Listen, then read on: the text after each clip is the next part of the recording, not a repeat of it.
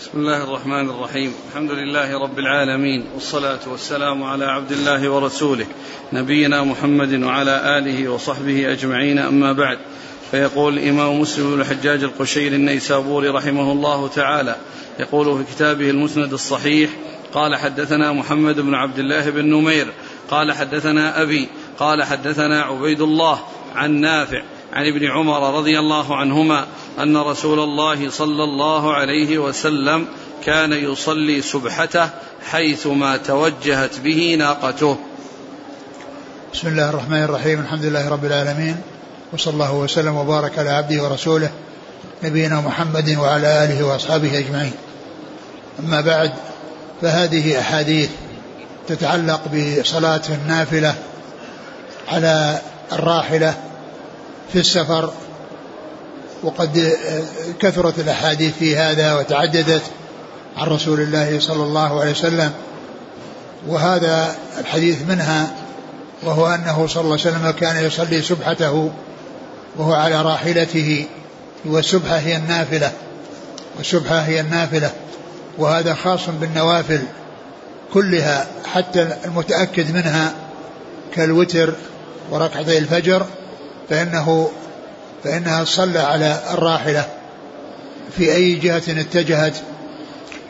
يعني في ولا يلزم في ذلك استقبال القبلة في في مسألة الصلاة على الراحلة وإنما جاء في في, في السنة البدء أنه عند البدء يكون مستقبل القبلة ثم يتجه إلى الجهة التي التي يريدها ويومي بركوعه وسجوده ويكون السجود أخفض من الركوع.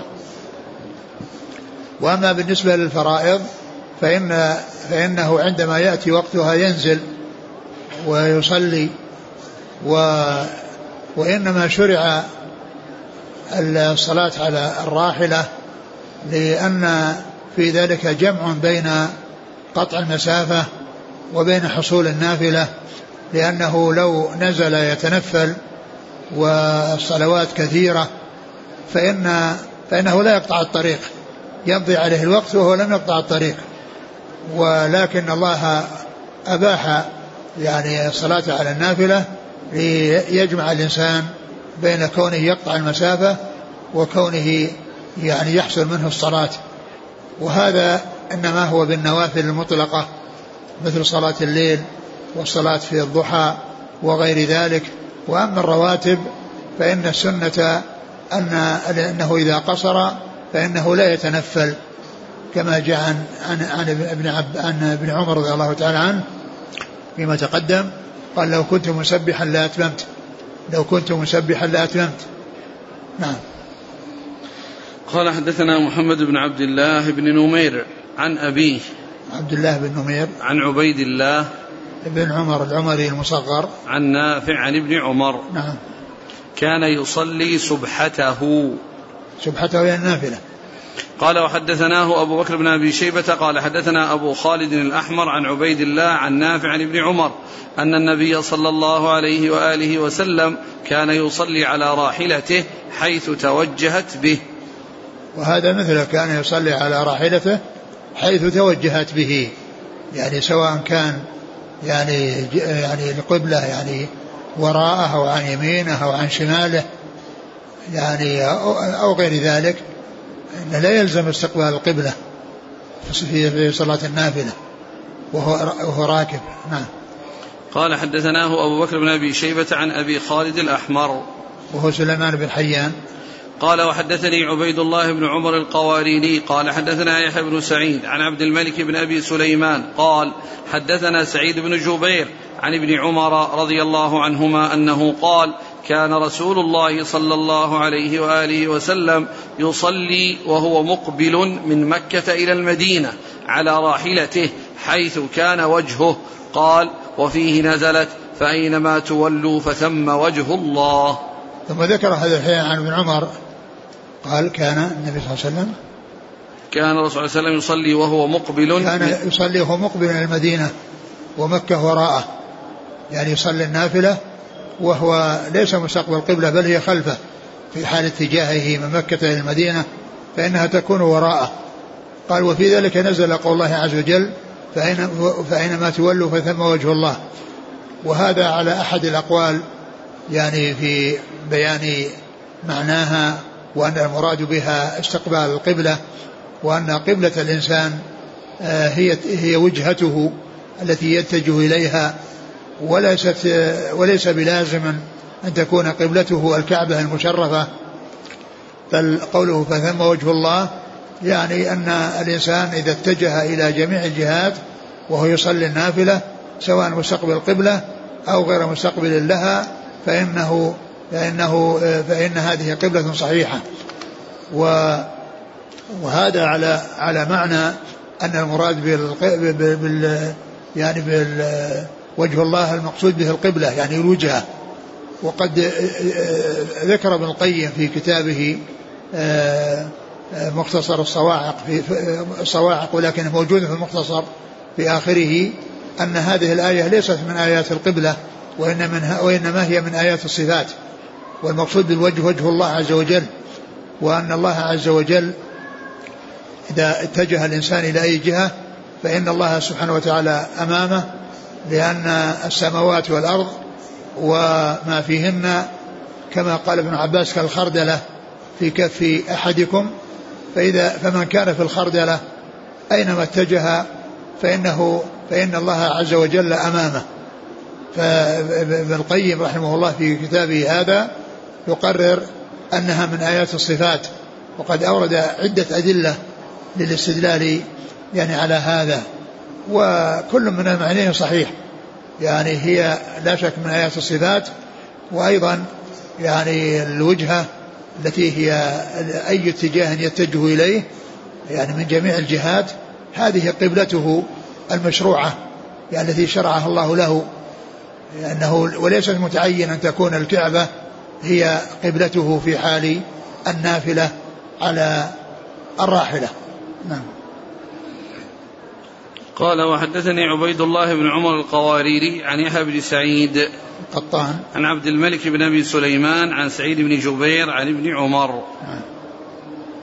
قال وحدثناه أبو كريب قال أخبرنا ابن المبارك وابن أبي زائدة حا قال وحدثنا ابن نمير قال حدثنا أبي كلهم عن عبد الملك بهذا الإسناد نحوه وفي حديث ابن المبارك وابن أبي زائدة ثم تلا ابن عمر فأينما تولوا فثم وجه الله وقال في هذا نزلت. نعم. قال حدثناه أبو كريب محمد بن العلاء بن كريب عن ابن المبارك عبد الله بن مبارك وابن أبي زائدة. وهو يحيى بن زكريا بن أبي زائدة. يقول أحسن الله إليك الذي يصلي على الدابة يومئ برأسه هل يحني ظهره كذلك؟ لا شك يحني يحني ظهره. هل تجوز الصلاة النافلة في حالة المشي في الطريق؟ ما يعني ما جاء شيء يدل على هذا لكن لكن يعني كون كون الإنسان يعني يقطع المسافة وأنها شرعت للتخفيف والتيسير وأنه يقطع المسافة وهو مسافر إذا كان مسافرا فله فله أن يصلي لأنه لأنه لو لو وقف يصلي ويركع ويسجد ما قطع الطريق. فالمحذور الذي يكون في صلاته وبقائه يصلي في الأرض هو نفس الموجود المحذور الموجود في كونه ينزل من دابته ويصلي. فله أن يصلي وهو يمشي. نعم. قال حدثنا يحيى بن يحيى قال قرأت على مالك عن عمرو بن يحيى المازني عن سعيد بن يسار عن ابن عمر قال رأيت رسول الله صلى الله عليه وسلم يصلي على حمار وهو موجه إلى خيبر. ثم ذكر هذا الحديث أنه كان يصلي على حمار وهو موجه إلى خيبر. وهذا والقبلة معلوم أنها وراءه. لأن لأن لأن من استقبل خيبر فإن المدينة وراءه والقبلة وراءه وهذا يعني فيه آه، الصلاة إلى إلى أي جهة كان. يعني سواء حتى ولو كانت الخلف الكعبة وراءه فإنه يصلي. وفيه أن الصلاة لا يلزم أن تكون على دابة على بعير بل يجوز أن تكون على حمار وأن تكون على بغل وأن تكون على فرس. كل ذلك يعني صحيح. قال حدثنا يحيى بن يحيى عن مالك عن عمرو بن يحيى المازني عن سعيد بن يسار عن ابن عمر. نعم. إعلان أن هذا من فعل أنس وليس من فعل النبي صلى الله عليه وسلم. نعم. من أعل المتن وقال أن الصلاة على الحمار فعل أنس. وأما النبي صلى الله عليه وسلم فكان يصلي على راحلته. بعض العلماء يعني اعتبر الحديث أنه مرفوع إلى الرسول صلى الله عليه وسلم و ومعلوم ان ان أنه لا فرق بين الحمار وبين البغل وبين الفرس كل ذلك دابة يعني يصلى يصلى عليها إلى اي إلى أي جهة كان. وحتى الماشي فإنه يصلي إلى أي جهة اتجه. لأن المقصود من المقصود من من الصلاة على الدابة هو الجمع بين الصلاة وبين قطع المسافة. قال وحدثنا يحيى بن يحيى قال قرأت على مالك عن أبي بكر بن أبي بكر بن عمر بن عبد الرحمن بن عبد الله بن عمر بن الخطاب عن سعيد بن يسار أنه قال كنت أسير مع ابن عمر بطريق مكة. قال سعيد فلما خشيت الصبح نزلت فأوترت ثم أدركته فقال لي ابن عمر أين كنت؟ فقلت له خشيت الفجر فنزلت فأوترت. فقال عبد الله أليس لك في رسول الله صلى الله عليه وسلم أسوة؟ فقلت بلى والله.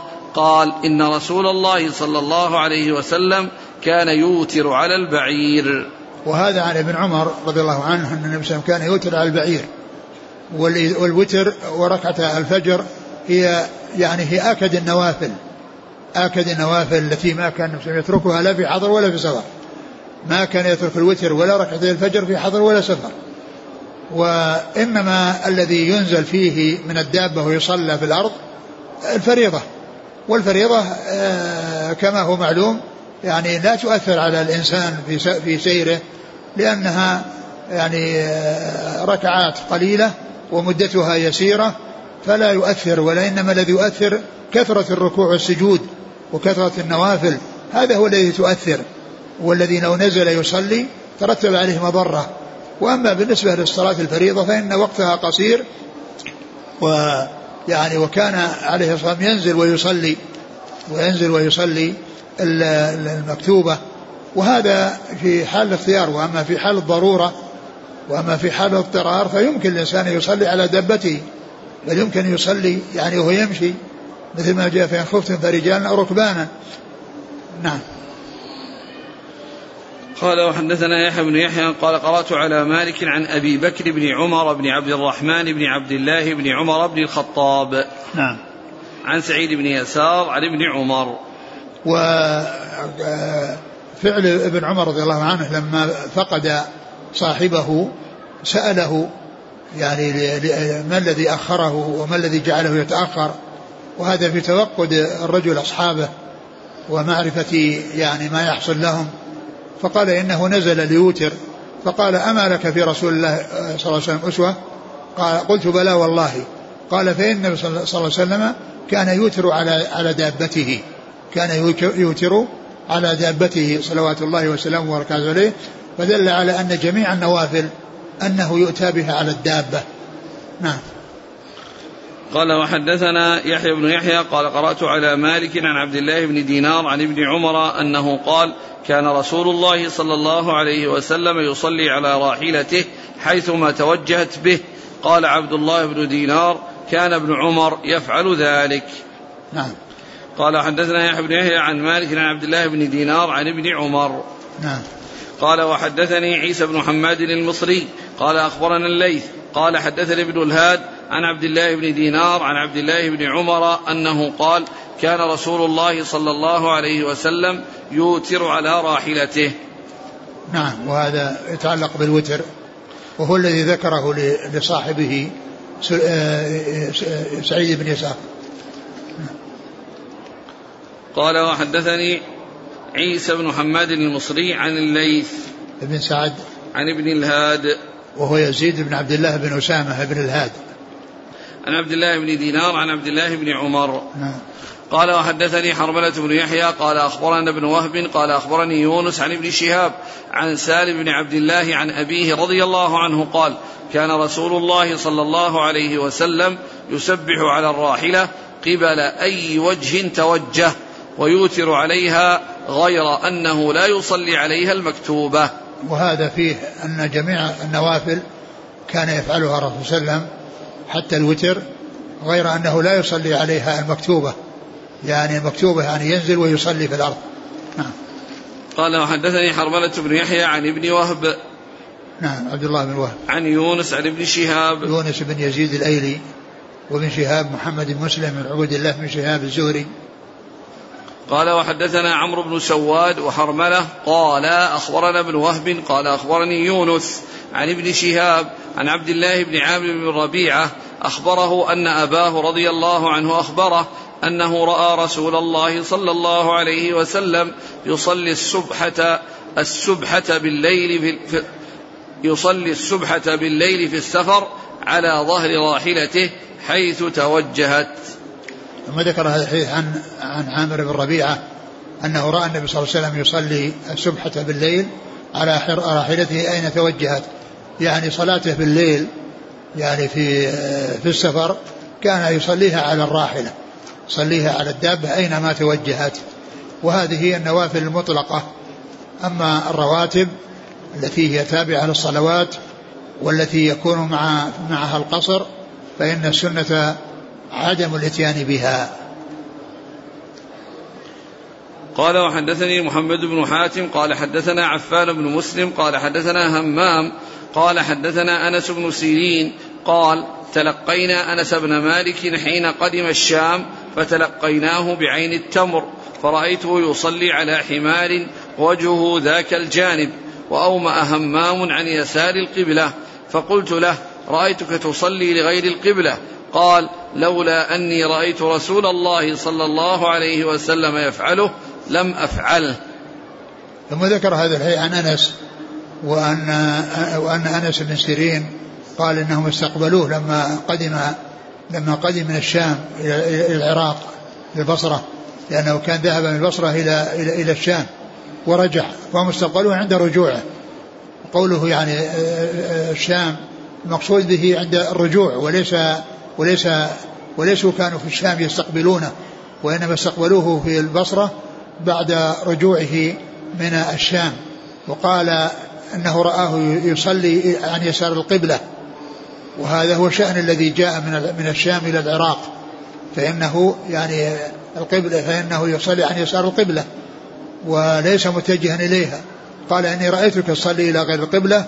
فقال آه، فقال لولا أني وسلم يفعله لم أفعله. لولا أني وسلم يفعله ما فعلته. يعني أن أنه يفعل ذلك اتباعا للرسول صلى الله عليه وسلم. وهذا الكلام مثل قول عمر رضي الله عنه لما قبل الحجر قال لولا أني رأيت رسولا يقبلك ما قبلتك. لولا أني رأيت رسولا يقبلك ما قبلتك. يعني أن السنة يفعلها الناس لثبوتها عن الرسول صلى الله عليه وسلم ولو لم تحصل ولو لم تثبت السنة عن الرسول صلى الله عليه وسلم ما فعلوه. قال حدثني محمد بن حاتم عن عفان بن مسلم عن همام بن يحيى العودي عن أنس بن سيرين عن أنس بن مالك. ها. يقول هل يشترط عند تكبيرة الإحرام الاتجاه إلى القبلة عند الصلاة على الراحلة؟ ليس شرط ليس بشرط. ليس بشرط وإنما هو مستحب. وهذا إنما هو بالنسبة للدواب التي يمكن يعني اتجاهها ثم عطفها. أما بالنسبة للسيارات الآن والطرق المعبدة التي يعني اتجاه الذاهب والآيب هذا لا يتيسر فيه مثل ذلك. لا يتيسر فيه مثل ذلك. والسائق الذي يسوق السيارة يعني ما ينبغي له أن يصلي وينشغل بالسيارة ينشغل عن السيارة لأن هذا يؤدي إلى الحوادث. ولكن من يكون راكبا معه فإن له أن يصلي ولا يلزم أن يكون ولا, ولا يتجه القبلة أولا لأنه أصلا حتى بالنسبة للدابة ليس بلازم وإنما هو مستحب. يعني حتى لو لم يبدأ متجها إلى القبلة فإن ذلك يصح. لكن هذا هو سنة وليس بواجب. هل الصلاة على الراحلة خاص بالسفر أم يجوز للمقيم لا, لا خاص بالسفر. التنفل على الرواحل إنما هو بالسفر. لأن لأن كما ذكرت لو نزل يصلي بقيت المسافة أمامه ما ما قطع الطريق. لكن بالنسبة للذي في البلد يعني ينزل ويصلي. إذا وصل البيت يصلي. ينتظر حتى يصل البيت. أو يصل المكان الذي يريده. وهذا خاص بالسفر التنفل. التنفل على الرواحل إنما هو بالسفر ليس بالحضر. نعم. يقول نعمل في سفينة فهل نصلي النوافل حيثما توجهت مع أنها سفينة كبيرة؟ لا السفينة الكبيرة آه، آه، الذي فيها مجال لإنسان يتجه القبلة يتجه القبلة وليس له أن يصلي باتجاه السفينة. اللهم إلا الربان الذي يقودها والذي يعني ما يعني ما يتمكن فهذا مثل راكب الدابة. وأما بالنسبة للركاب فإنهم يتجهون إلى القبلة. قال رحمه الله تعالى حدثنا يحيى بن يحيى قال قرأت على مالك عن نافع عن ابن عمر رضي الله عنهما أنه قال كان رسول الله صلى الله عليه وسلم إذا عجل به السير جمع بين المغرب والعشاء. وهذا يتعلق بالجمع بين الصلاتين والصلاة اللي تجمع هي المغرب والعشاء والظهر والعصر. يعني سواء جمع تقديم أو جمع تأخير. سواء جمع تقديم في وقت أولاهما أو جمع تأخير في وقت الثانية منهما. وكان هدي رسول الله صلى الله عليه وسلم أنه إذا كان إذا كان سائرا فإنه يجمع بين الصلاتين يعني حتى يعني يستمر يستمر به السير وحتى يحصل قطع المسافة ولا ينزل لكل صلاة وإنما ينزل ويصلي صلاتين. فإذا كان مثلا قبل قبل نازلا قبل المغرب ثم ارتحل قبل المغرب فإنه يواصل حتى يأتي وقت العشاء ويؤخر المغرب إلى العشاء. ولو كان نازلا وغربت الشمس وهو نازل فإنه يصلي. يعني يقدم العشاء مع المغرب ويعني يجمع جمع تقديم ثم ثم بعد ذلك يسير. فيكون في ذلك فائدة للمسافر وهي أنه لا ينزل مرتين من أجل صلتين. لا ينزل مرتين مرة للظهر ومرة للعصر ومرة للمغرب مرة للعشاء وإنما ينزل ثلاث مرات. يعني الظهر والعصر مرة واحدة والمغرب والعشاء مرة واحدة والفجر مرة واحدة بدل ما يكون خمس مرات ينزل و فكان هذا هديه عليه عليه الصلاة والسلام أنه كان يجمع هذا فيما إذا كان جد به السير أما إذا كان نازلا فالأولى ألا يجمع ويجوز الجمع لأن الرسول صلى الله عليه وسلم جمع في تبوك وهو نازل وهذا يدل على على جواز ذلك ولكن الأولى هو عدم الجمع. وإنما فعل ذلك صلى الله عليه وسلم ليبين أن ذلك سائغ وأنه جائز وأنه لا مانع منه. ولكن الأولى عدمه في حق النازل. نعم. قال وحدثنا محمد بن المثنى قال حدثنا يحيى عن عبيد الله قال أخبرني نافع أن ابن عمر كان إذا جد به السير جمع بين المغرب والعشاء بعد أن يغيب الشفق ويقول إن رسول الله صلى الله عليه وسلم كان إذا جد به السير جمع بين المغرب والعشاء. وهذا فيه يعني جمع التأخير وأنه إذا جد به السير بمعنى أنه كان سائرا قبل المغرب وهو يسير فيعني يترك النزول إلى إلى إلى إلى دخول وقت العشاء ثم ينزل ويصلي الصلاتين. ويعني وهذا ليس حصرا يعني لما جاء في يعني المغرب والعشاء وإنما هذا يعني بعض ما جاءت به السنة عن رسول الله صلى الله عليه وسلم وأن الجمع يكون بين المغرب والعشاء في وقت الأولى أو الثانية ومثلها العصر أيضا يعني يكون في الأولى والثانية وكلها جاءت بها السنة عن رسول الله صلى الله عليه وسلم. أما جمع التأخير فالأحاديث كثيرة وأما جمع التقديم فقد جاء فيه بعض الأحاديث الثابتة عن رسول الله صلى الله عليه وسلم كما في مستخرج ابن نعيم على صحيح مسلم وكذلك في الأربعين للحاكم بإسناد صحيح كما قال ذلك الحافظ ابن حجر. ف آه، التقديم ثابت كما أن تقديم جمع التأخير ثابت ولكن الأكثر أكثر الأحاديث جاءت في جمع التأخير. وأما جمع التقديم فقد جاء فيه بعض الأحاديث ومنها ما أشرت إليه. قال وحدثنا يحيى بن يحيى وقتيبة بن سعيد وبكر بن أبي شيبة وعمر الناقد كلهم عن ابن عيينة. قال عمرو حدثنا سفيان عن الزهري عن سالم عن أبيه. قال رأيت رسول الله صلى الله عليه وسلم يجمع بين المغرب والعشاء إذا جد به السير. نعم وهذا مثل الذي قبله. قال وحدثني حرملة بن يحيى قال أخبرنا ابن وهب قال أخبرني يونس عن ابن شهاب قال أخبرني سالم بن عبد الله أن أباه قال رأيت رسول الله صلى الله عليه وسلم إذا أعجله السير في السفر يؤخر صلاة المغرب حتى يجمع بينها وبين صلاة العشاء. نعم وهذا مثل الذي قبله. قال وحدثنا قتيبة بن سعيد قال حدثنا المفضل يعني ابن فضالة عن عقيل عن ابن شهاب عن أنس بن مالك رضي الله عنه قال كان رسول الله صلى الله عليه وآله وسلم إذا ارتحل قبل أن تزيغ الشمس أخر الظهر إلى وقت العصر ثم نزل فجمع بينهما فإن زاغت الشمس قبل أن يرتحل صلى الظهر ثم ركب.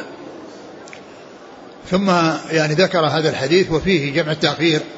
وأما بالنسبة للتقديم ليس فيه جمع تقديم وإنما فيه صلى الظهر وركب. صلى الظهر وركب ولم يذكر أنه صلى العصر. ولكن كما قلت يعني جاءت بعض الأحاديث في ثبوت جمع آه، التقديم والجمع إنما هو يكون في وقت الأولى أو وقت الثانية. وليس كما قاله بعض أهل العلم أنه جمع صوري بأن يؤخر الظهر إلى آخر وقتها ويقدم العصر في أول وقتها فيكون جمعا في الصورة. جمعا في الصورة وأن كل صلاة صليت في وقتها لأن هذا يعني فيه صعوبة تحديده بأن يكون أن كل صلاة وقعت في في وقتها.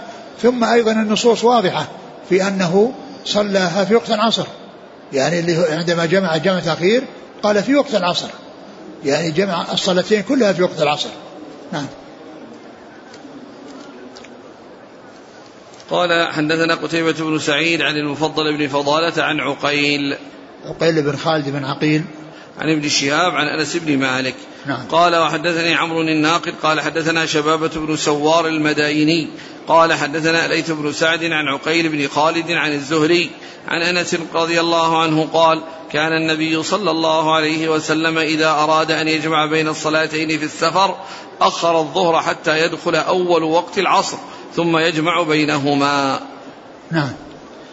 قال وحدثني أبو الطاهر وعمرو بن سواد قال أخبرنا ابن وهب قال حدثني جابر بن إسماعيل عن عقيل عن ابن شهاب عن أنس رضي الله عنه عن النبي صلى الله عليه وسلم إذا عجل عليه السفر يؤخر الظهر إلى أول وقت العصر فيجمع بينهما ويؤخر المغرب حتى يجمع بينها وبين العشاء حين يغيب الشفق. نعم. قال حدثني أبو الطاهر. أحمد بن عمرو بن الصرح المصري. وعمرو بن سواد عن ابن وهب عن جابر بن إسماعيل عن عقيل عن ابن شهاب عن أنس. نعم. يقول رجل جمع بين العصر والمغرب فهل يصح فعله؟ لا ما يصح فعله. أقول لا يصح فعله وإنما المغرب التي قدمها مع العصر هي في غير محلها عليه أن يأتي بها في وقت المغرب. لا يجمع بين العصر والمغرب لأنها الجمع إنما هو بين الظهر والعصر وبين المغرب والعشاء. فلو أنها حصل من ذلك فإن عمله باطل وعمله غير صحيح وعليه أن يعيد المغرب في وقتها لأنه صلاها في غير في وقت لا يجوز أن تصلى فيه. مثل ما لو صلى الظهر قبل الزوال. يقول إذا كانت امرأة تريد أن تصلي جمع تأخير ثم أصابها دم الحيض.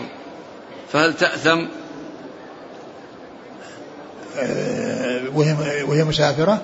لا إذا كان والجمع كما هو معلوم في السفر وإذا كان هذا يعني لا تأثم لأن هذا مشروع لها نعم. لكن إذا طهرت عليها أن تعيد الصلاتين. نعم نعم.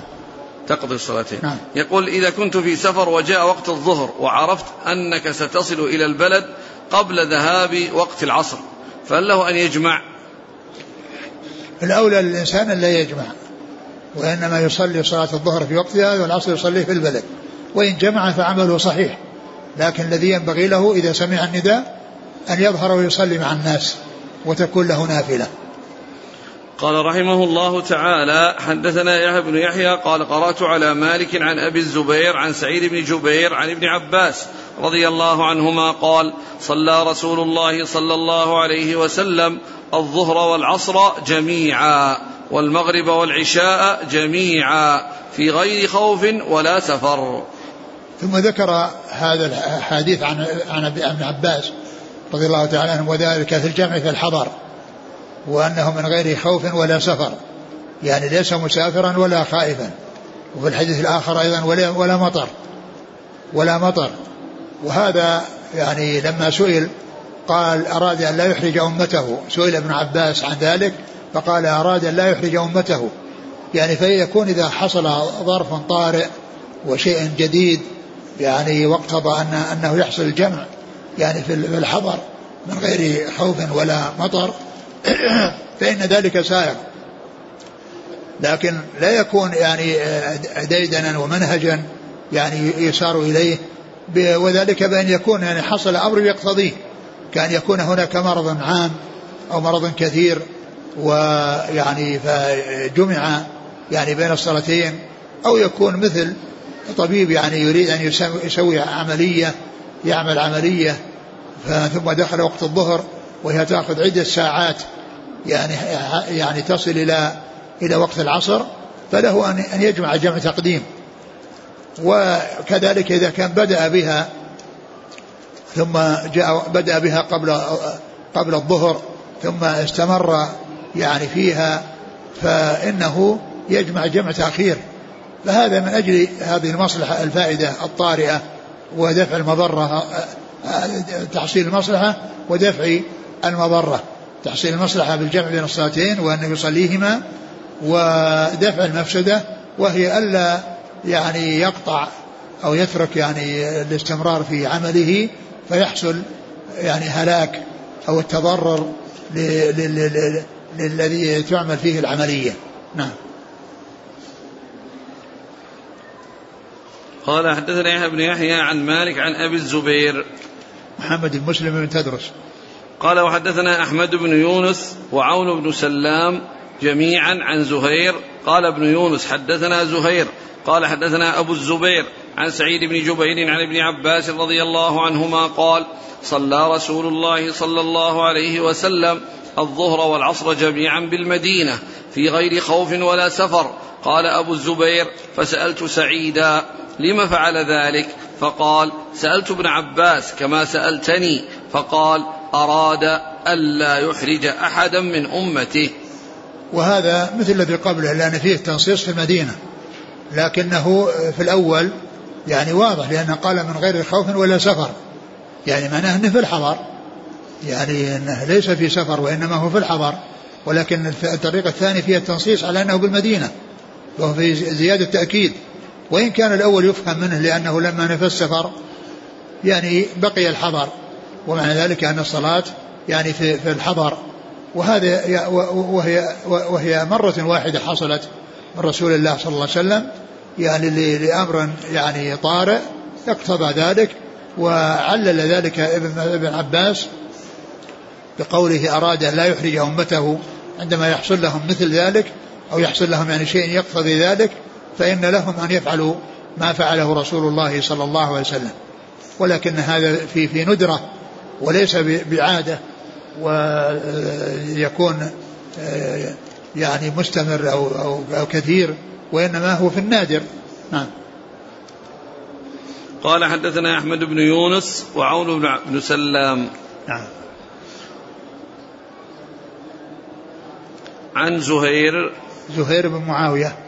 عن أبي الزبير عن سعيد بن جبير عن ابن عباس. نعم. قال وحدثنا يحيى بن حبيب الحارثي. قال حدثنا خالد يعني ابن الحارث. قال حدثنا قرة. قال حدثنا أبو الزبير. قال حدثنا سعيد بن جبير. قال حدثنا ابن عباس أن رسول الله صلى الله عليه وسلم جمع بين الصلاة في سفرة سافرها في غزوة تبوك فجمع بين الظهر والعصر والمغرب والعشاء. قال سعيد فقلت لابن عباس ما حمله على ذلك؟ قال أراد ألا يحرج أمته. وهذا غير غير ما تقدم فيما يتعلق بالمدينة لأن هذا في سفر ولكنه كان نازلا في تبوك لأن معروف من هديه أنه إذا كان جد به السير يجمع لكنه إذا كان نازلا وهو مسافر ما كان يجمع مثل ما فعل في منى وفي الأبطح فإنه ما كان يجمع يصلي آه، كل صلاة في وقتها مقصورة دون أن يجمع بينهما. فيعني آه، فعل في تبوك آه، أنه صلى وهو نازل فجمع بين الظهر والعصر وبين المغرب والعشاء. قال أراد لا يحرج أمته يعني أنه عند عندما يحصل يعني منهم ذلك في حال الإقامة في السفر فإن ذلك سائق وقد فعله رسول الله صلى الله عليه وسلم في تبوك. ففعله في تبوك وهو نازل جالس يعني غير مسافر غير جاد به السير يدل على جواز ذلك. ولكن المعروف من من عهد منه صلى الله عليه وسلم في الكثير المعتاد أنه لا يجمع بينهما كما حصل منه في تبو في, في, في الأبطح وحصل منه في منى يعني قبل الحج وبعده فإنه كان يقصر ولا يجمع. نعم.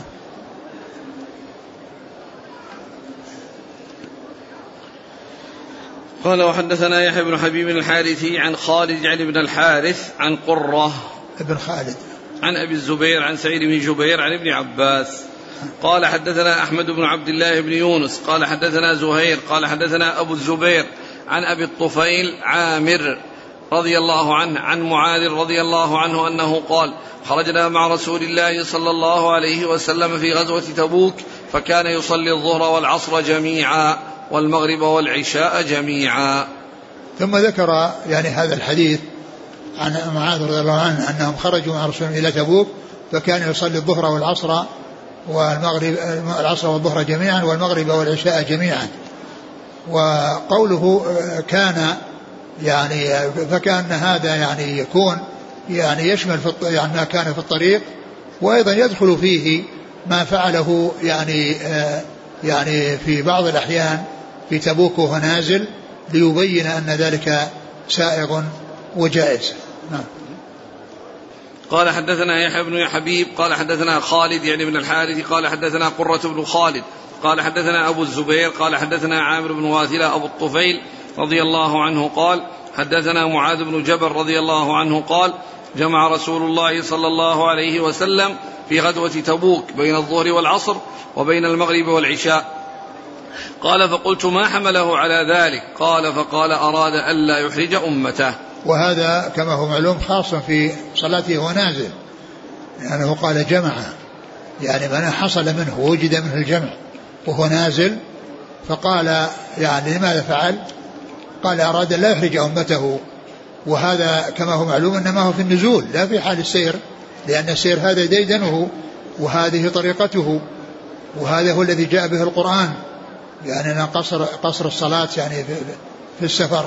وأما بالنسبة للجمع فقد جاء من هديه في فعله في سيره أنه إذا عجل به السير يعني آه، إما أن يصلي الثنتين في وقت الأولى أو الثنتين في وقت الآخرة وإنما الذي يحتاج إلى أن يسأل عنه الذي هو النزول وأنه يصلي نازلا وهذا خلاف ما هو معروف عنه صلى الله عليه وسلم كما هو في منى. وفي الأبطح وغير ذلك. نعم. قال وحدثنا أبو بكر بن شيبة وأبو كريب قال حدثنا أبو معاوية. حا قال حدثنا أبو كريب وأبو سعيد الأشج واللفظ لأبي كريب. قال حدثنا وكيع كلاهما عن الأعمش عن حبيب بن أبي ثابت عن سعيد بن جبير عن ابن عباس قال جمع رسول الله صلى الله عليه وسلم بين الظهر والعصر والمغرب والعشاء بالمدينة في غير خوف ولا مطر في حديث وكيع قال قلت لابن عباس لم فعل ذلك؟ قال كي لا يحرج أمته. وفي حديث أبي معاوية قيل لابن عباس ما أراد إلى ذلك؟ قال أراد ألا يحرج أمته. وهذه طريقة أخرى وفيها ذكر المطر وأنه من غير مطر لأن كما هو معلوم الجمع في المطر ثبت في السنة جمع الصلاتين يعني في المطر ثبت في السنة عن رسول الله صلى الله عليه وسلم. وهنا في الأول قال من غير خوف ولا سفر. يعني معناه أنه مقيم. وقال هنا من غير خوف ولا مطر. يعني يعني ذكر نفي المطر وأن هذا لم يكن بسبب المطر وإنما بسبب شيء آخر طارئ. نعم. قال حدثنا أبو بكر بن شيبة وأبو كريب. محمد بن العلاء بن كريب. عن أبي معاوية. محمد بن خازم. حا قال حدثنا أبو كريب وأبو سعيد الأشج. وعبد الله بن سعيد. عن وكيع ابن الجراح. عن الأعمش سليمان بن مهران. عن حبيب بن أبي ثابت عن سعيد بن جبير عن ابن عباس. نعم. قال وحدثنا أبو بكر بن أبي شيبة قال حدثنا سفيان بن عيينة عن عمرو عن جابر بن زيد عن ابن عباس رضي الله عنهما قال صليت مع النبي صلى الله عليه وسلم ثمانيا ثمانيا جميعا وسبعا جميعا. قلت يا أبا الشعثاء أظنه أخر الظهر وعجل العصر وأخر المغرب وعجل العشاء. قال وأنا أظن ذاك. ثم ذكر هذا الحديث الذي فيه أن أن ابن عباس نعم صليت مع النبي صلى الله عليه وسلم. ثمانيا ثمانيا جميعا وسبعا جميعا وسبعا جميعا يعني ثمانيا اللي في في الحضر لأنه جمع وصلى أربع وأربع والمغرب يعني سبعا المغرب ثلاثا والعشاء أربعا. وذلك يعني كما هو معلوم في حال الحضر. هذا إنما هو في حال الحضر. المتن قال جمع. فقال قال إيش؟ صليت مع النبي صلى الله عليه وسلم. قال عمرو بن دينار. وعمرو بن دينار عمرو نعم. عمرو بن دينار عن جابر بن زيد. جابر بن زيد اللي هو أبو الشعثاء قال أظنه قدم أخر أخر المغرب. أخر الظهر وعجل العصر أخر, أخر الظهر وعجل العصر وأخر المغرب وعجل العشاء يعني إنه جمع صوري إنه يكون جمع صوري ياتى في هذه في آخر وقتها وهذه في أول وقتها. قال أظنه أظنه أظنه ذلك. لكن المقصود معروف أن الجمع إنما يكون يعني في وقت إحداهما أما الأولى وأما الثانية. وأما الجمع الصوري فإن حصوله وضبطه يعني في غاية الصعوبة لأنه يعني كونه يؤتي يأتي بالصلاة هذه في في وقتها وبعد بعد فراغه منها دخل وقت التي تليها يعني هذا فيه صعوبة معرفته. نعم. قال حدثنا أبو الربيع الزهراني قال حدثنا حماد بن زيد عن عمرو بن دينار عن جابر بن زيد عن ابن عباس رضي الله عنهما أن رسول الله صلى الله عليه وسلم صلى بالمدينة سبعا وثمانيا الظهر والعصر والمغرب والعشاء. نعم وهذا نص فيه على أن صلى بالمدينة يعني ثمانيا وسبعا نعم. قال حدثنا أبو الربيع الزهراني. هو سليمان بن داود. قال وحدثني أبو الربيع الزهراني قال حدثنا حماد عن الزبير بن الخريت عن عبد الله بن شقيق قال خطبنا ابن عباس يوما خطبنا ابن عباس يوما بعد العصر حتى غربت الشمس وبدت النجوم وجعل الناس يقولون الصلاة الصلاة. قال فجاءه رجل من بني تميم لا يفتر ولا ينثني. الصلاة الصلاة. فقال ابن عباس أتعلمني بالسنة؟ لا أم لك. ثم قال رأيت رسول الله صلى الله عليه وسلم جمع بين الظهر والعصر والمغرب والعشاء. قال عبد الله بن شقيق فحاك في صدري من ذلك شيء. فأتيت أبا هريرة فسألته فصدق مقالته. ثم ذكر هذا عن ابن عباس وعن أبي هريرة وان أنه كان ابن عباس يخطب وحتى دخل وقت المغرب ويعني ظهرت النجوم فتكلموا معه وقال قال له الصلاة الصلاة وجاء رجل من بني تميم كلامه متواصل ومتصل يعني ويقول الصلاة الصلاة فقال لا أم لك يعني تعلمني تعلمني لا أم تعلمني بالسنة. لا أم لك تعلمني بالسنة يعني أن أنه أنه على علم يعني بهذا الذي فعله وأن الجمع بين الصلاتين يعني جاءت به سنة عن رسول الله صلى الله عليه وسلم. وهذا فيه يعني بيان يعني الجمع يعني بين بين المغرب والعشاء يعني في وقت المغرب. نعم. هو الآن صلى بهم العصر. نعم. العصر قد صلاها. نعم العصر سالفة والكلام كونه اتصل كونه يخطب قبل المغرب. وإذا جاء وقت المغرب وهو يخطب. أو على أن يعني يرون أن يعني يرون أن كانت صلاة وقت صلاة المغرب وقتها ضيق. فلذلك يقولون له الصلاة الصلاة هذا, يعني هذا هو السبب. نعم. على هذا هو السبب. نعم. لكن كما هو من ثبت السنة أن وقتها متسع إلى مغيب الشفق إلى أن يدخل وقت العشاء لأن وقت الظهر متصل بوقت العصر. وليس هناك بينهم فاصل. ووقت المغرب متصل بوقت العشاء وليس بينهما فاصل. لكنه جاءت أحاديث كثيرة في أنه مغيب الشفق. يعني عند إذا غاب الشفق انتهى وقت العصر المغرب ودخل وقت العشاء. قال وحدثنا ابن أبي عمر قال حدثنا وكيع قال حدثنا عمران بن حدير عن عبد الله بن شقيق العقيلي قال قال رجل لابن عباس الصلاة. فسكت ثم قال الصلاة فسكت ثم قال الصلاة فسكت ثم قال لا أم لك أتعلمنا بالصلاة؟ وكنا نجمع بين الصلاتين على عهد رسول الله صلى الله عليه وسلم. نعم. قال حدثنا ابن أبي عمر. ومحمد بن يحيى بن أبي عمر العدني المكي. عن وكيع. بن الجراح. عن عمران بن حدير. نعم.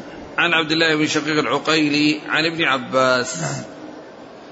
قال رحمه الله تعالى حدثنا أبو بكر بن أبي شيبة قال حدثنا أبو معاوية ووكيع عن الأعمش عن عمارة عن الأسود عن عبد الله رضي الله عنه قال لا يجعلن أحدكم للشيطان من نفسه جزءا لا يرى إلا أن حقا عليه ألا ينصرف إلا عن يمينه. أكثر ما رأيت رسول الله صلى الله عليه وسلم ينصرف عن شماله. ثم ذكر هذا الحديث أو هذه الأحاديث المتعلقة بانصراف الرسول صلى الله عليه وسلم إذا إذا سلم وقال اللهم أنت أستغفر الله أستغفر الله أستغفر الله اللهم أنت السلام وك السلام تبارك يا الجلال والكرام ينصرف إلى المامومين فيعني ثبت عنه الانصراف عن يساره وانصراف عن يمينه. كل هذا ثبت عن رسول الله عليه الصلاة والسلام. والذي آه، أنكره منه أنس صحابي؟ عبد الله عبد الله بن مسعود. من هو؟ عبد الله بن مسعود. عبد الله بن مسعود. يعني أنكر أن يعني يظن أو يعني يعتقد أن الإنسان لا ينصرف إلا إلا عن إيش الحديث؟ قال لا يجعلن أحدكم للشيطان من نفسه جزءا. نعم. لا يرى إلا أن حقا عليه ألا ينصرف إلا عن يمينه. أي نعم. يعني معناه يرى أن الانصراف عن اليمين متحتم ولازم. وأن الانصراف لا يكون عن اليسار وهذا خطأ وأن هذا خلاف السنة وهذا يعني من عمل الشيطان يكون الإنسان يعني يعتقد مثل هذا الشيء ويفعل مثل هذا الفعل على اعتبار أن هذا حق ثابت وأن هذا شيء لازم. لأن قوله ابن مسعود أكثر ما رأيت النبي يدل على أنه يعني كان ينصرف إلى جهة اليمين وإلى جهة الشمال لكن انصرافه إلى إلى جهة اليسار. قال أكثر ما وسلم ينصرف عن عن نعم شماله. عن شماله نعم. ينصرف أكثر ما ينصرف عن شماله. وسيأتي في الحديث الذي بعد هذا أن الرسول صلى الله عليه وسلم كان أكثر ما ينصرف عن عن يمينه.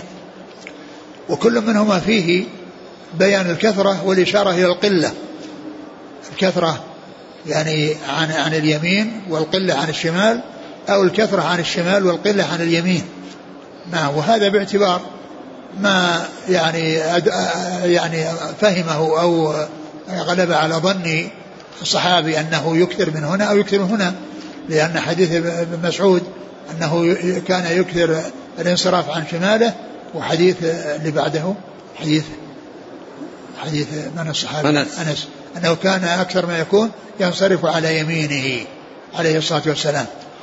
فالحاصل أن الانصراف إلى جهة المأمومين سواء عن اليمين أو الشمال كل ذلك صحيح وثابت عن رسول الله صلى الله عليه وسلم ولا يتعين أحدهما ولا يعتقد تعين أحدهما. نعم. قال حدثنا أبو بكر بن شيبة عن أبي معاوية ووكيع عن الأعمش عن عمارة. هو؟ عمارة بن عمير التيمي. نعم. عن الأسود. ابن يزيد. النخعي عن عبد الله. مسعود. قال حدثنا إسحاق بن إبراهيم قال أخبرنا جرير وعيسى بن يونس. ها قال حدثناه علي بن خشرم قال أخبرنا عيسى جميعا عن الأعمش بهذا الإسناد مثله. نعم. قال وحدثنا قتيبة بن سعيد قال حدثنا أبو عوان عن السدي قال سألت أنسا كيف انصرف كيف أنصرف إذا صليت عن يميني أو عن يساري؟ قال أما أنا فأكثر ما رأيت رسول الله صلى الله عليه وسلم ينصرف عن يمينه. هذا حديث أنس وهو مقابل لحديث ابن مسعود. ابن مسعود يقول أكثر ما رأيت النبي ينصرف عن يساره وأنس يقول أكثر ما رأيت الرسول ينصرف على يمينه. ويعني وهذا إخبار من كل واحد منهما. حديث ابن مسعود وأنس يدلان على أن النبي صلى الله عليه وسلم من هديه أنه ينصرف إلى المأمومين بعد أن يقول أستغفر الله أستغفر الله أستغفر الله اللهم أنت السلام ومنك السلام تبارك ذا الجلال والإكرام ينصرف إليهم أحيانا على جهة اليمين وأحيانا على جهة اليسار. وهذان الصحابيان أحدهما الذي فهمه والذي أدركه وعلمه أنه ينصرف على اليمين والثاني ينصرف على اليسار. والحاصل أن الانصراف على اليمين واليسار كل ذلك ثابت عن رسول الله صلى الله عليه وسلم.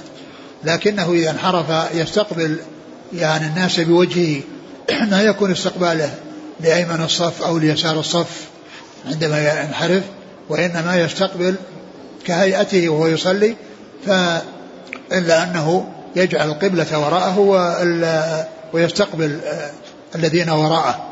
فلا يكون مستقبلا لا جهة الشمال ولا جهة اليسار وإنما اليمين ولا جهة الشمال وإنما يستقبل المأمومين كهيئته ويصلي إلا أنه بدل ما كان مستقبل القبلة صار مستدبر مستدبر القبلة. نعم. قال حدثنا أبو بكر بن أبي شيبة وزهير بن حرب عن وكيع عن سفيان وابن الثوري عن السدي وهو إسماعيل بن عبد الرحمن عن أنس نعم. قال قد حدثنا قبله قال الإسناد اللي قبله قال حدثنا قتيبة بن سعيد عن أبي عوانة الوضاح بن عبد الله اليشكري عن السدي عن أنس نعم. ثم قال حدثنا أبو بكر بن أبي شيبة وزهير بن حرب قال حدثنا وكيع عن سفيان عن السدي عن أنس أن النبي صلى الله عليه وسلم كان ينصرف عن يمينه. نعم.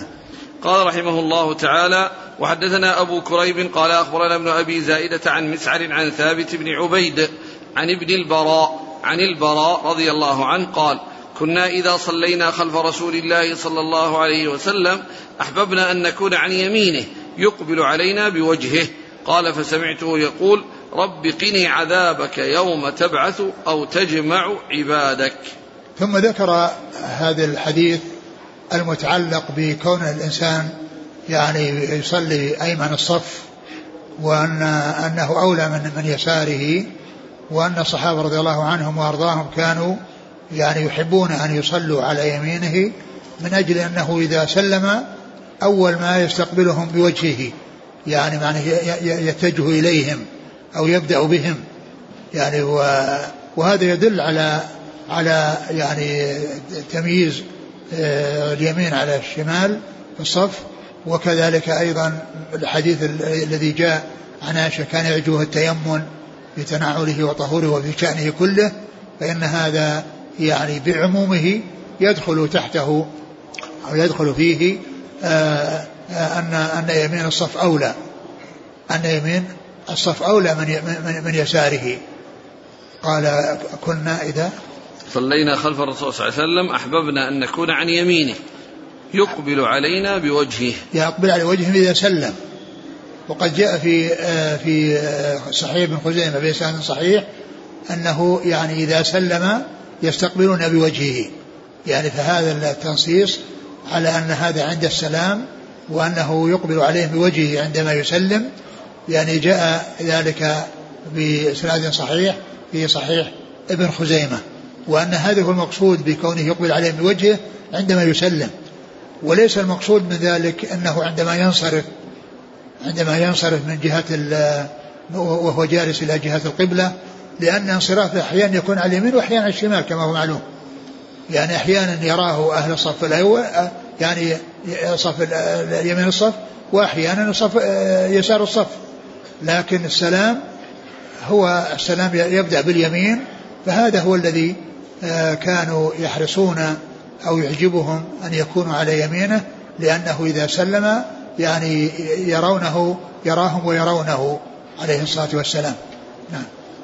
قال حدثنا أبو كريب عن ابن أبي زائدة يحيى عن مسعر مسعر بن كدام. عن ثابت بن عبيد عن ابن البراء. نعم وهو وهو عبيد عبيد بن البراء. عن البراء. نعم. قال حدثناه أبو كريب وزهير بن حرب قال حدثنا وكيع عن مسعر بهذا الإسناد ولم يذكر يقبل علينا بوجهه. نعم. الشروع في نافلة بعد شروع المؤذن. والله تعالى أعلم وصلى الله وسلم وبارك على عبده ورسوله نبينا محمد وعلى آله وأصحابه أجمعين. جزاكم الله خيرا وبارك الله فيكم. ألهمكم الله الصواب ووفقكم للحق. شفاكم الله وعافاكم ونفعنا الله بما سمعنا. غفر الله لنا ولكم وللمسلمين أجمعين. يقول هل يصح الاستدلال بهذه الآية؟ فأينما تولوا فثم وجه الله. هل يستدل بها من صلى الفريضة؟ وكان منحرفا عن القبلة قليلا. فاستدل بهذه الآية. الحديث في حديث ورد في هذا ما بين المشرق والمغرب قبلة. ما بين المشرق والمغرب قبلة يعني بالنسبة للمدينة. وما كان على سمت المدينة. وكذلك ما كان من جهة اليمن. فإن يعني إذا حصل انحراف يسير لا يؤثر. نعم. رجل مسافر صلى العشاء خلف مسافر يصلي المغرب. فهل يتم الصلاة أم لا؟ إيش السؤال؟ مسافر آه. صلى العشاء خلف مسافر يصلي المغرب. نعم إذا إذا صلى معه يعني إذا كمل الصلاة يأتي بركعة. رجل مسافر نوى الظهر خلف إمام يصلي الجمعة فهل يصلي الظهر ركعتين؟ سؤال رجل مسافر. نوى الظهر خلف إمام إمام الجمعة. معلوم أن الإنسان المسافر إذا حضر الجمعة حكمه حكم الحاضرين. يعني ما يكون يعني لأن المسافر إذا صلى يعني مع الإمام الجمعة فحكمه حكم المصلين. لا يقال أن أن حكمه أنه يصلي ظهر وإنما عليه أنه يصلي كما يصلي الإمام ويعني و وهذا فرضه. وهذا هو الواجب عليه ولا يجوز له أن يدخل معه بنية أنه يصلي ظهر وإنما يتابع الإمام وهذه السنة في حقه وفي حق غيره ممن حضر الجمعة. هل تصلى الصلاة المكتوبة في الطائرة؟ الطائرة إذا كان فيها مكان للركوع والسجود يعني ويستقبل القبلة يعني يفعل مثل السفينة. وأما إذا لم يكن فيها يعني مكان للصلاة والطائرة سيخرج الوقت قبل أن تنزل في المطار المتجهة إليه فإن الإنسان يصلي وهو في مقعده على حسب حاله وإن لم يكن مستقبلا القبلة نعم. هذا من الغرائب الأسئلة. يقول نحن نغوص تحت الماء ونصلي جماعة تحت الماء في البحر. ساكنين تحت البحر. كيف يصلون تحت البحر غواصين ها؟ طيب الغواصين يطلعون. أقول يطلعون ساعات يجلسون تحت عملهم يستلزم ساعات. ما يخالف. ساعات يطلعون يصلون. طيب هؤلاء ركاب في باص في شهر رمضان. يصلون التراويح وهم جالسين في الباص. يعني يصلون التراويح؟ ركاب باص في رمضان مسافرين آه. لا هل لهم أن يصلوا صلاة التراويح وهم سائرون في الباص يأمهم أحدهم وهم جلوس